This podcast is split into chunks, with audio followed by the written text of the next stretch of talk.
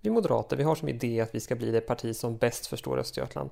Därför pågår vårt arbete med Östgötaresan, där vi lär genom besök och samtal med människor över hela länet. Den här podden, Östgötaröster, är en del av det. Under de kommande åren tänker vi låta människor, olika människor och olika perspektiv komma till tals. Ung som äldre, landsbygd som stad, jordbrukare som student. Tillsammans är vi Östergötland och tillsammans kan vi utveckla en politik med båda fötterna i den östgötska myllan. Välkommen till Östgötaröster som då är en podd som Moderaterna i Östergötland har. Och jag heter Marie Morell och är oppositionsråd för Moderaterna då i Region Östergötland och jobbar med hälso och sjukvårdsfrågor men också en del med digitalisering. Mm. Så temat för dagen är IT och hälsa och digitalisering och därför så har jag tagit hit en gäst som heter Dag Forsén och du får väl presentera dig själv. Ja, jag eh, jobbar på RISE som är statens samlade forskningsinstitut. Och eh, där bedrivs väldigt mycket olika typer av forskning och innovation. Alltifrån liksom nya material till hur man ska använda cellulosa eh, för att driva bilar eller till och med bygga elektronik med bilar. I Norrköping här så har vi också tryckt elektronik som baseras på eh, organiska ämnen. Men jag jobbar ju då kan man säga uteslutande med just digitalisering av vård, omsorg och hälsa. Mm. Och eh, där bedriver vi tror jag, eh, ungefär 40-50 projekt just nu inom RISE, inom det området. Så det är ett hett område. Mm. Och du finns ju här i Norrköping också, så vi, just nu sitter vi ju i Campus Norrköpings eh, lokaler.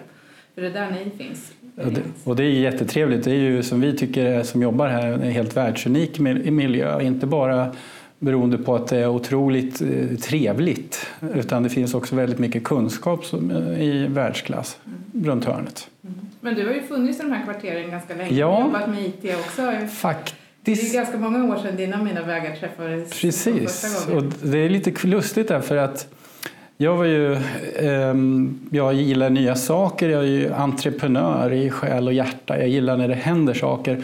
Och jag startade då min första internetrelaterade verksamhet 1995. Mm. Och det gjorde jag en källare ute i Lindö. Mm.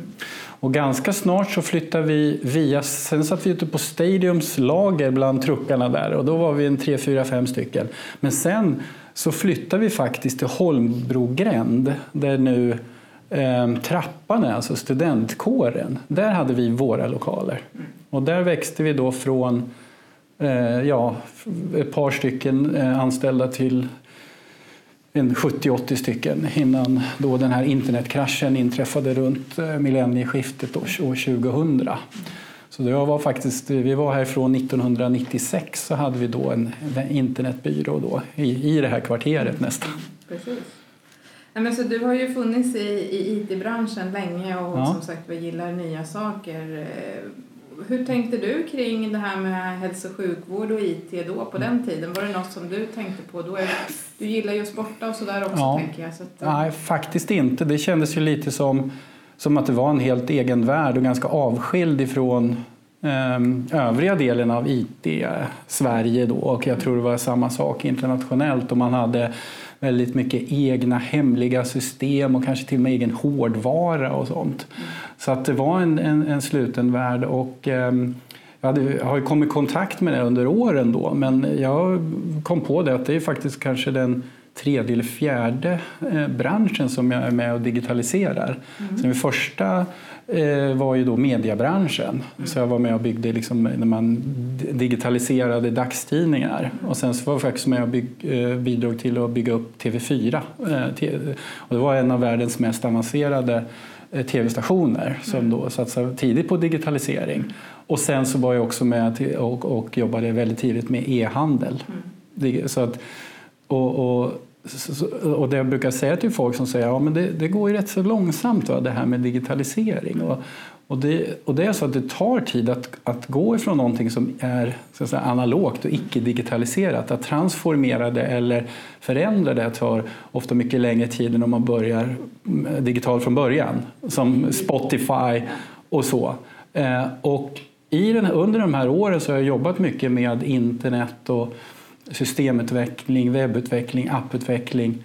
Och sen var det så att jag av en slump då, när jag jobbade i ett IT-konsultföretag kom i kontakt med ett innovationskluster här i, i Östergötland som då hette, hälsa, hälsa, det hette Hälsans nya verktyg. Och det var en ren slump, det var nästan misstag och då träffade jag liksom vdn då, Mona mm. eh, på, en, på en lunch och så tänkte jag så här, men det här, här är liksom grejen. Att ha all den här tekniken och så kom jag på ett mantra som jag faktiskt använder fortfarande. Att jag, när folk frågar vad gör du med digitalisering egentligen? Vad gör ni? Och egentligen två saker. Vi håller på antingen förenklar eller förgyller eh, tillvaron eller dagarna för människor. Oavsett om man är patient eller om man är personal va? eller anhörig och så. Det är inte och så alla ser på det alla gånger med digitalisering. Det är nej, snarare nej, så att eh, man tycker att det handlar om att trycka på fler knappar och vara förvirrad och sitta och ja. vänta och sådär. Så kan man se det och sen måste man ha eh, respekt för också att de Eh, processer och, de, eh, de, och den verklighet som man lever i inom hälso och sjukvården är den absolut mest komplexa som finns. Och att liksom, och sen, och Sverige har varit först ut med digitalisering av e-recept, av eh, journalsystem. Så man liksom var väldigt tidigt ute. Så, så då kanske man känner nu att och det kommer ju komma liksom ett generationsskifte av system. Och jag vet att alla leverantörer, inklusive de svenska, jobbar på liksom för att få fram nästa generationssystem. Så just nu kanske vi har då ser du vet den här produktlivscykeln när det börjar liksom dala där, sen nu är det dags och då kommer det nya saker. Och, så att jag tror att man får ha lite tålamod och ibland så kostar det lite att ligga först som Sverige har gjort i de här, eh, just de här två exemplen. Men du som har varit inne i en del andra branscher, då, när du jämför då hälso och sjukvården med media eller någonting ja, annat, ja. Eh, är, vi, är vi bättre eller sämre? Eller är det... Ehm, jag, jag, tycker så här att för det första så är ju då, ehm, jag var ju med det här företaget som jag jobbade på, eh, internetkonsulten då på ja, slutet av 90-talet, vi var ju med och byggde bland annat SJs biljettbokning online, först, jag tror vi var först i världen med det. Och det är ju liksom en ganska enkel process. Och vi var också med och byggde Avanza som var en av de första, jag tror också de första där man kunde köpa, sälja värdepapper online. Otroligt enkla processer. Ehm, så, så det, är, det är så omöjligt att jämföra tycker jag. Då, då får man titta på ehm, eh, liksom, finns det då vissa kanske aktörer eller länder som har kommit längre än vad Sverige har gjort inom det här området? För det är ju ofta så att jag menar bankbranschen till exempel är ju någonting som vi ofta jämför ja. oss med. Men varför ska det vara så svårt i hälso och sjukvården? Jag kan ja.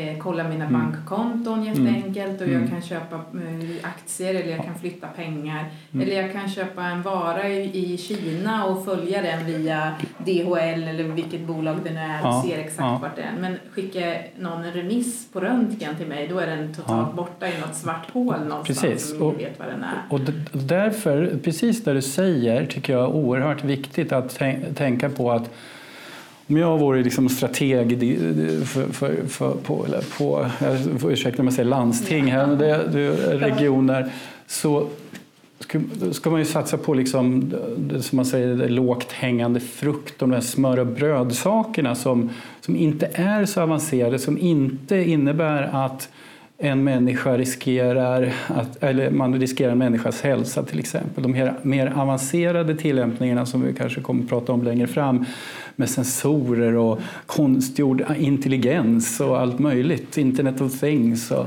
eh, och, och sådana som kanske går rätt in i den medicinska behandlingen. Det är ju mer så att säga, konsekvenserna av om någonting fungerar eller inte mycket högre. Men det här smör och bröd, att kunna skicka ett meddelande mellan kommun och landsting till exempel. Eller att när en patient färdas mellan korttidsbo eller hemma, korttidsboende, särskilt boende in på sjukhus. Att information flyttar med patienten. Sådana här vardags... Man kallar det inom vanlig IT, vanliga IT-branscherna smör och bröd. Mm. Alltså det som behövs för att liksom få det att rulla. Eh, och det kan ju handla om, och det är det bankerna har gjort, man kallar ju det där fortfarande self-service kallas det. Och det handlar ju om att lyckas med den omöjliga ekvationen att på en kund som betalar för en tjänst lämpa över arbete eh, på, på, den personen. Och, men då är det det här med upplevelsen och, och, och det som kallas då alltså bekvämlighet eller convenience då på engelska. Att det är faktiskt även om det tar lite tid så är det ännu jobbigare att stå i kö på banken. Så man hittar sådana här win-win. Mm. Så då har vi ju, eh, och vissa saker går att göra så inom sjukvården, vissa går inte. Eh, och eh, det jag tror är viktigt direkt att säga att jag ser liksom digitalisering så många gånger som en, en, en, ett sätt att förstärka människors förmågor, inte att ersätta dem. Mm. Yes. Ja, vi pratar om att, att förstärka människor och, och göra dem mer delaktiga i sin egen vård. Mm, mm. Det händer ju ganska mycket spännande saker mm, nu mm. på alla, ja. alltså, e-hälsa är ju ett ganska snävt begrepp egentligen. Ja. Alltså, digitalisering är väl egentligen bättre för att ja. de här tjänsterna kommer ju på alla möjliga områden mm. där vi mm. kanske inte alltid anar det. Har vi några spännande sådana här runt hörnet eller här och nu ja. som ändå faktiskt kommer att... vi, vi själva jobbar ju bland annat med ett spännande projekt som, som handlar om, och där eh, Motala är inblandade, som handlar om att vårda då relativt sjuk Eh, sjuka KOL-patienter, alltså när man har en obstruktiv lungsjukdom i hemmet mm. Istället för att vara inne på sjukhus och att de ska kunna få liksom ett, ett, stöd så man kombinerar det bästa med att ligga inne med det bästa med att vara hemma. Mm. Och, och, det kallar man ju då, det är en slags vård på distans då, då. och då har man en eh, Rent tekniskt så har man ju liksom en liten surfplatta och man kan mäta upp sina, de här värdena som är viktiga då för, för en KOL-patient. Och sen skickas det in och så finns det då en, en så kallad vårdoperatör som är sjuksköterska som knyter ihop säcken och koordinerar. Och, och sen kan man även få träffa doktorn och fysioterapeuten och sånt där. Så det är en, det är en rätt, eh, om man får uttrycka sig, en cool lösning. Ja. ja, det, det, det man ju sådana. Nej men precis, så det där är någonting som vi ser, eller jag, jag ju också med och jobbar mm. med en del sådana här projekt, mm. men just det här att, att kunna följa sin sjukdom verkar ju vara en en relativt enkel, lite smör och brödfråga då som mm. vi pratade om. Mm. Men sen handlar det ju om att koppla ihop det här med alla andra system och använda. Ja. Eh, och också tänker jag ibland att faktiskt använda de saker som redan då är uppfunna så vi inte sitter och gör en massa mm. prylar hela tiden. Exakt. Utan nu handlar det mer om att mm. förverkliga tjänsterna och, koppla ihop det här. Och det är ett, ett, bra exempel på det tycker jag det är om, om du har tänkt på när man åker tåg nu för tiden. Eh, förutom att det ofta är försenat. men, men bortsett från det så har, har de ju gått ifrån att ha haft sådana här jätte Ja, först var man ju helt analog och sen första generationens digitalisering då hade man ju en tegelstensliknande specialgjord hårdvara som vägde nästan ett kilo som ledde till att hälften av konduktörerna mm. fick förslitningsskador. Och, och sen så har man successivt, så nu jobbar man med en vanlig standard smartphone, då, mm. alltså en vanlig telefon. Mm. Checka och, och sådär. Precis, och den, sen finns ju allting i molnet då, som man säger. Mm. Ja. Alltså tjänst, datatjänster som man kommer åt via, via det mobila nätet. Och, och det har ju, jag har intervjuat eftersom man jobbar med sådana här saker. Jag tycker det är kul. Och, och sen, de ser ju bara fördelar med det. Va? Förutom att den är mycket lättare så går också den här telefonen att använda till allt möjligt. Säger Man kan ringa lokföraren och så vidare och man kan kolla upp andra saker. Och de har ju massor med system då som bör hålla jag var ju på konferens, vi pratade om det du och jag ja. en gång här i USA här i tidigare våras och var bland annat på studiebesök på ett sjukhus i Orlando. Och där eh, använde man sig just av telefonen. Där hade man ett barnsjukhus med ungefär 100 patienter eller vårdplatser och där hade man en stor övervakningscentral där man bevar eller mm. kollade alla patienterna. Och, mm. eh, man hade inga larmknappar som man tryckte på och det plingade inte i korridorerna Nej. och sådär utan eller personalen hade mobiltelefoner eller sådana här eh, klockor mm. Och då fick man larm om att nu är det någon som, mm. som händer på rum 10 mm. och då ska man gå dit och då fick man direkt information också om exakt vad det var som hände mm. och vad heter den här patienten och vad har den för sjukdom mm. och så vidare, vad har den för medicin? Allt det här kommer ju upp då som en mm. information mm. i sin, mm. i sin eh, bärbara liksom, device som man har med sig. Mm. Och, och det, det, här tänker jag är ju mm. någonting som vi inte ja. riktigt har kommit till i Sverige. Nej. Men... Uh, och, och det, det, hänger ihop med, i USA pratar man om um, the, the consumerization of healthcare. Alltså att, och det handlar mycket om att men, eh, de här prylarna som vi har framför oss här. Vi har ju, här har vi massor, det ser ju inte ni som lyssnar här, men vi har massor med prylar här. Um, att det också liksom förändrar oss som människor, vårt sätt att vara, att, att fungera och reagera. Och, och då innebär det att befolkningen, medborgarna, invånarna, patienten börjar förvänta sig vissa saker. Man vill ha liksom grejer, tjänster now, alltså omedelbart, i sin mobbe.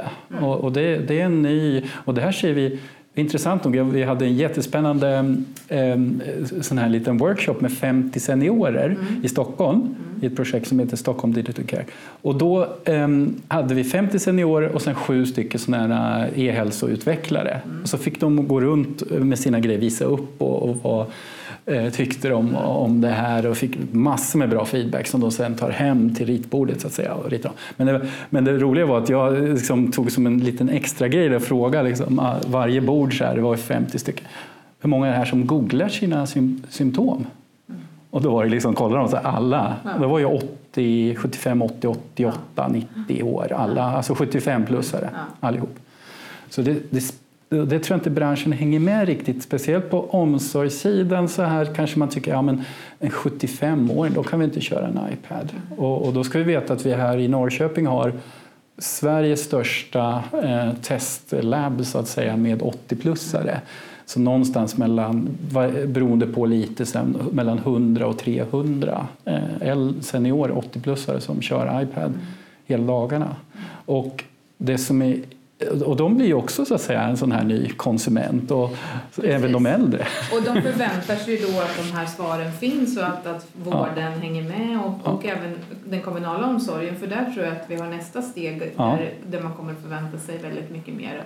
Det som är spännande som jag tycker är att man kan koppla ihop så mycket dels det som människor själva kan göra för att hålla sig piggare och mm. friskare mm. med alla armband och mm. klockor och allt vad det kan vara för någonting mm. eller vågar eller möjligt ja Eh, och att man då kan eh, också styra det.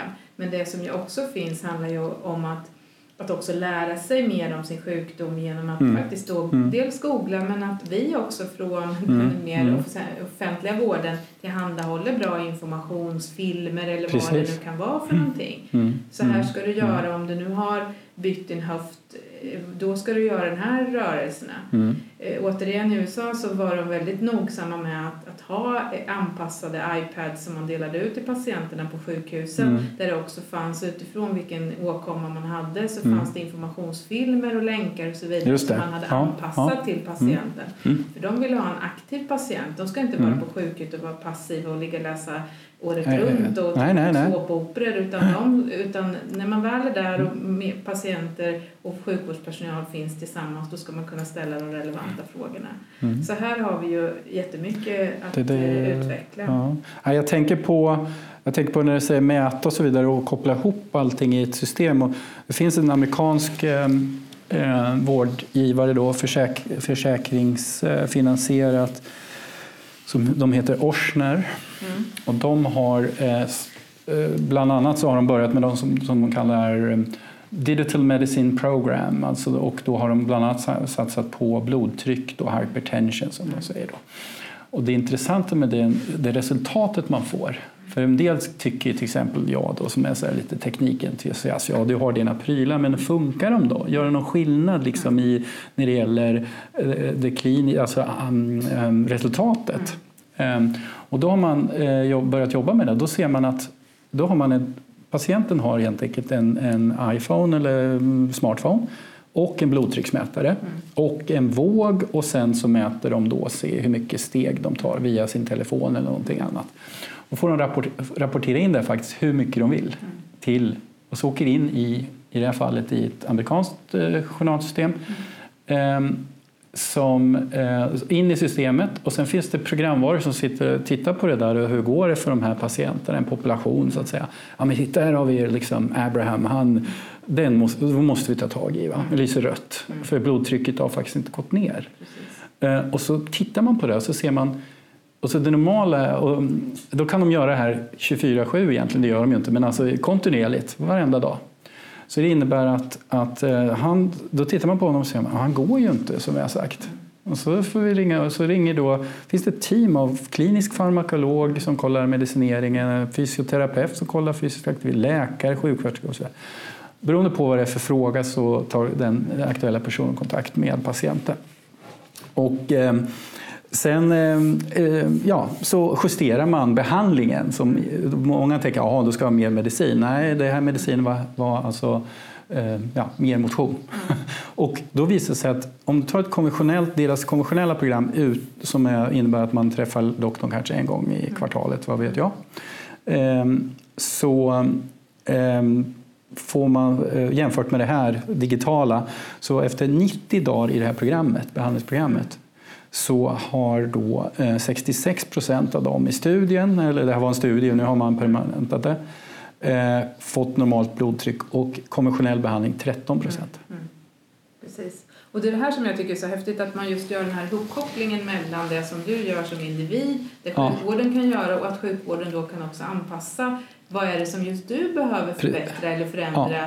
Det kanske är så att du faktiskt ont i foten då fast du ja. hade blodtrycket från början därför går du inte. Nej. Så måste du fixa jo. för att du hade, eh, inte vet jag. Nej, men alltså, och det här är också intressant just ja. att koppla ihop information.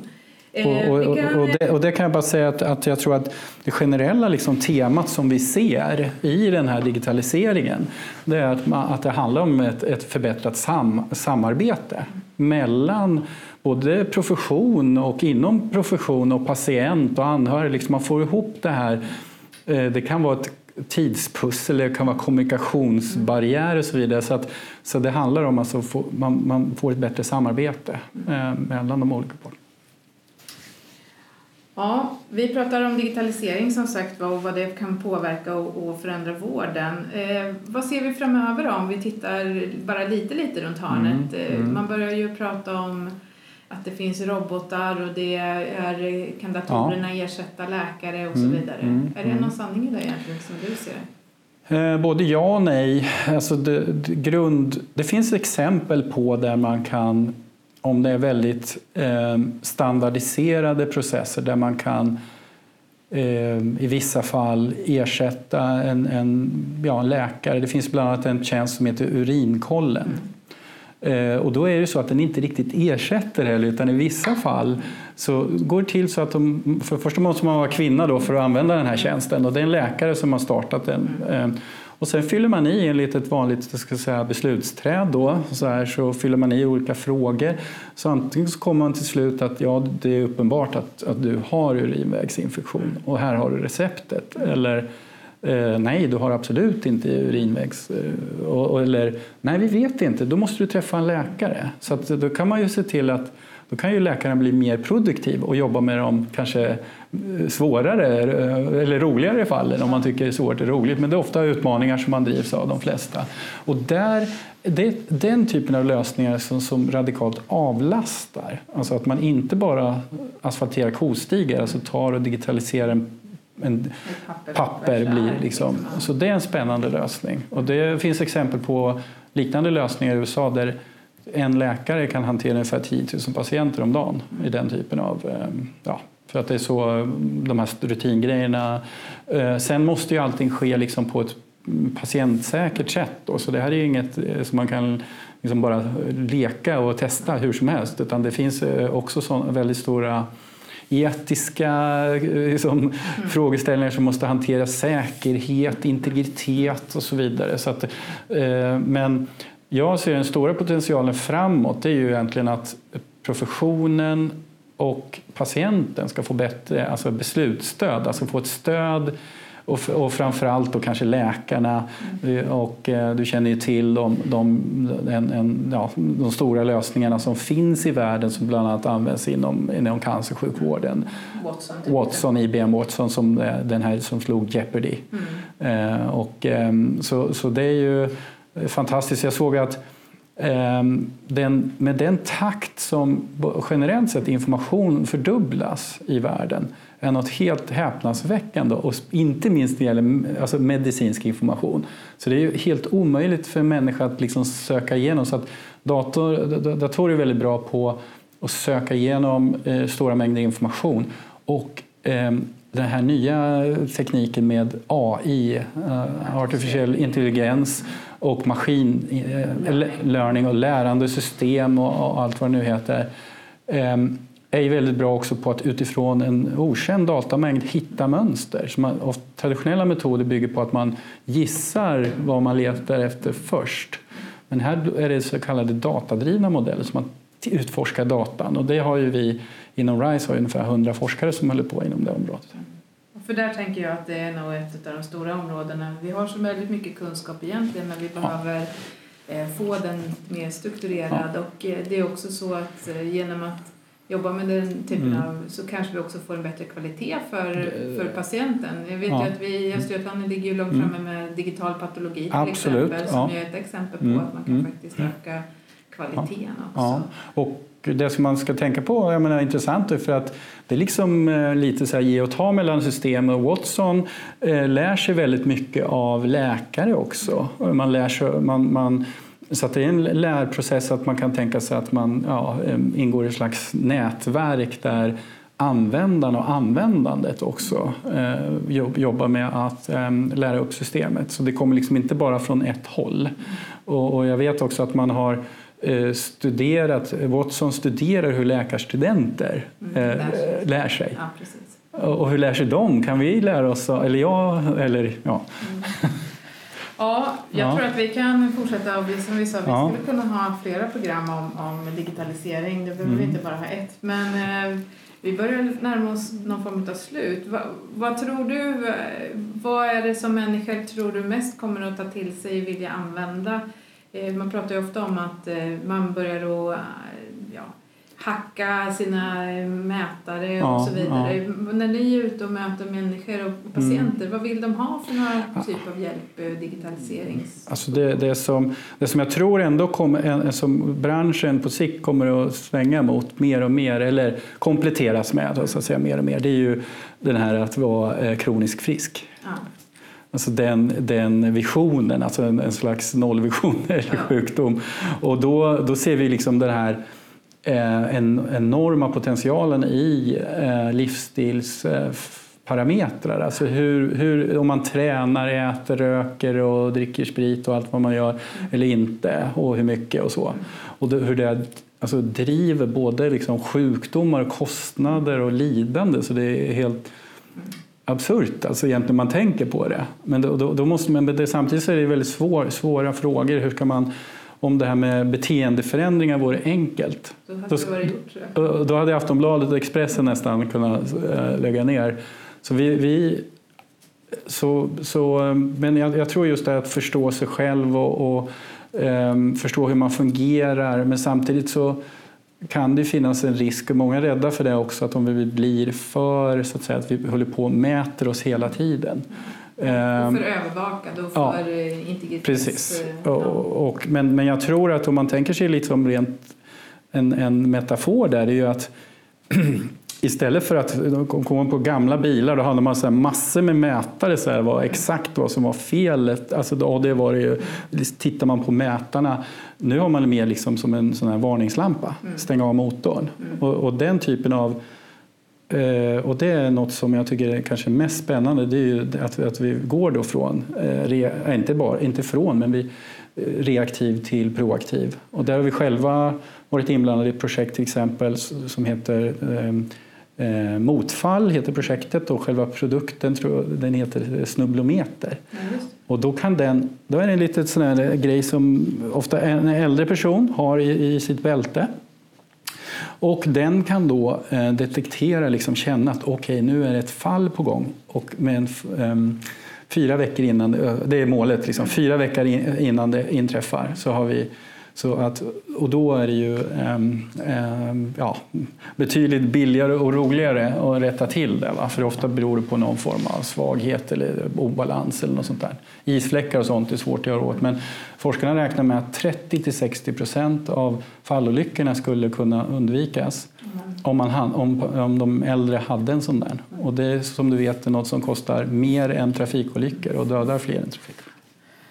Ja, som sagt var, det finns många olika eh, trådar att dra i när det gäller digitalisering men eh, jag känner som att eh, även om du då har varit inne i olika branscher mm. och IT och så vidare mm. så känns det inte som du har tröttnat på hälsobranschen och eh, sjukvård, Nej. digitaliseringen.